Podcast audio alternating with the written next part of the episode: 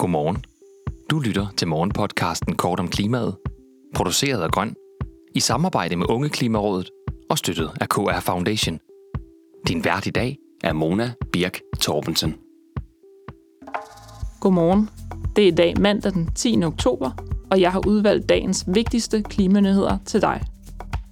Vi starter med at kigge på argumentet om, at dansk landbrug er et af de mest klimaeffektive i verden.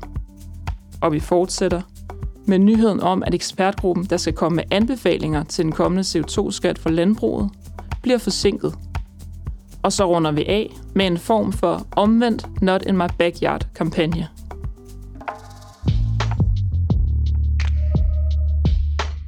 Vi begynder på forsiden af dagens information. Her har man undersøgt argumentet om, at dansk landbrug er et af verdens mest klimaeffektive.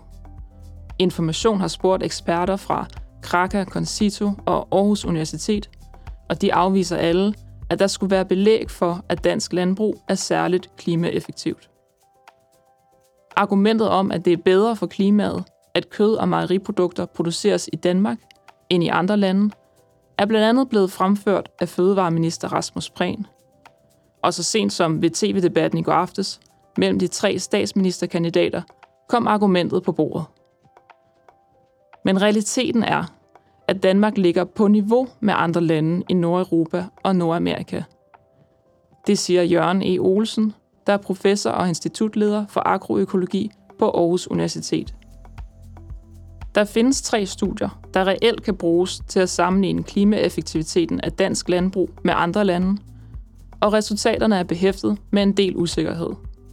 Michael Minder fra Tænketanken Concito siger, vi ser ofte, at de tilgængelige studier bliver brugt til i den politiske debat at sige, at Danmark ligger helt i front på klimaeffektivitet, og er sådan helt unikke. Men det er vi altså ikke. Også cheføkonom i Tænketanken Krakke, Ulrik Bæk, siger til Information. Vores analyse viser, at Danmark ikke er nogen klimaduks, når det kommer til landbrugets udledning, når man gør regnestykket rigtigt op og tager alle udledninger med, fra stald til tallerken.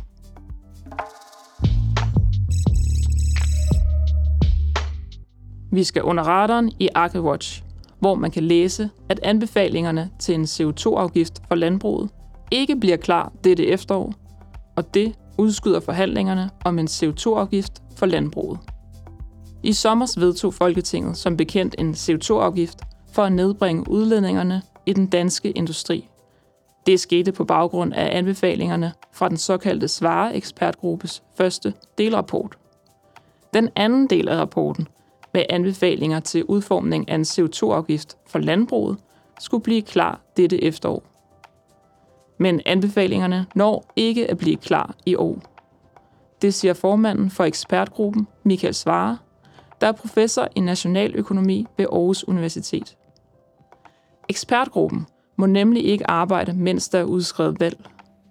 Og når en ny regering er dannet, skal den tage stilling til, om ekspertgruppen skal fortsætte, justeres eller helt lukkes. Ekspertgruppen må altså ikke fortsætte, før et nyt folketingsflertal har sagt god for det. Og først når anbefalingerne er ude, vil Folketingets partier kigge på en CO2-afgift for landbruget. En CO2-afgift for landbruget er afgørende for Danmarks grønne omstilling, da landbruget er ansvarlig for omkring en femtedel af Danmarks udledninger af drivhusgasser. I dagens solstrålehistorie sætter vi tempoet op for den grønne omstilling. Energiselskabet Andel har lanceret kampagnen Giv plads, der prøver at imødekomme Not in my backyard udfordringen. Kampagnen fra Andel opfordrer borgere til at gøre deres stemme synlig, hvis de gerne vil have vindmølleparker i deres egen kommune. Kampagnen løber de næste to måneder, og målet er at give kommunalpolitikere rundt omkring i landet medvind i deres arbejde for at finde plads til vindmølleparkerne. Det var dagens klimanyheder. Ha' en rigtig god mandag. Tak fordi du lyttede med til Kort om klimaet. Vi har alle ugens hverdag udsendelsen klar kl. 8. Hvis du vil høre den med det samme, så gå direkte ind på vores feed på kortomklimaet.dk.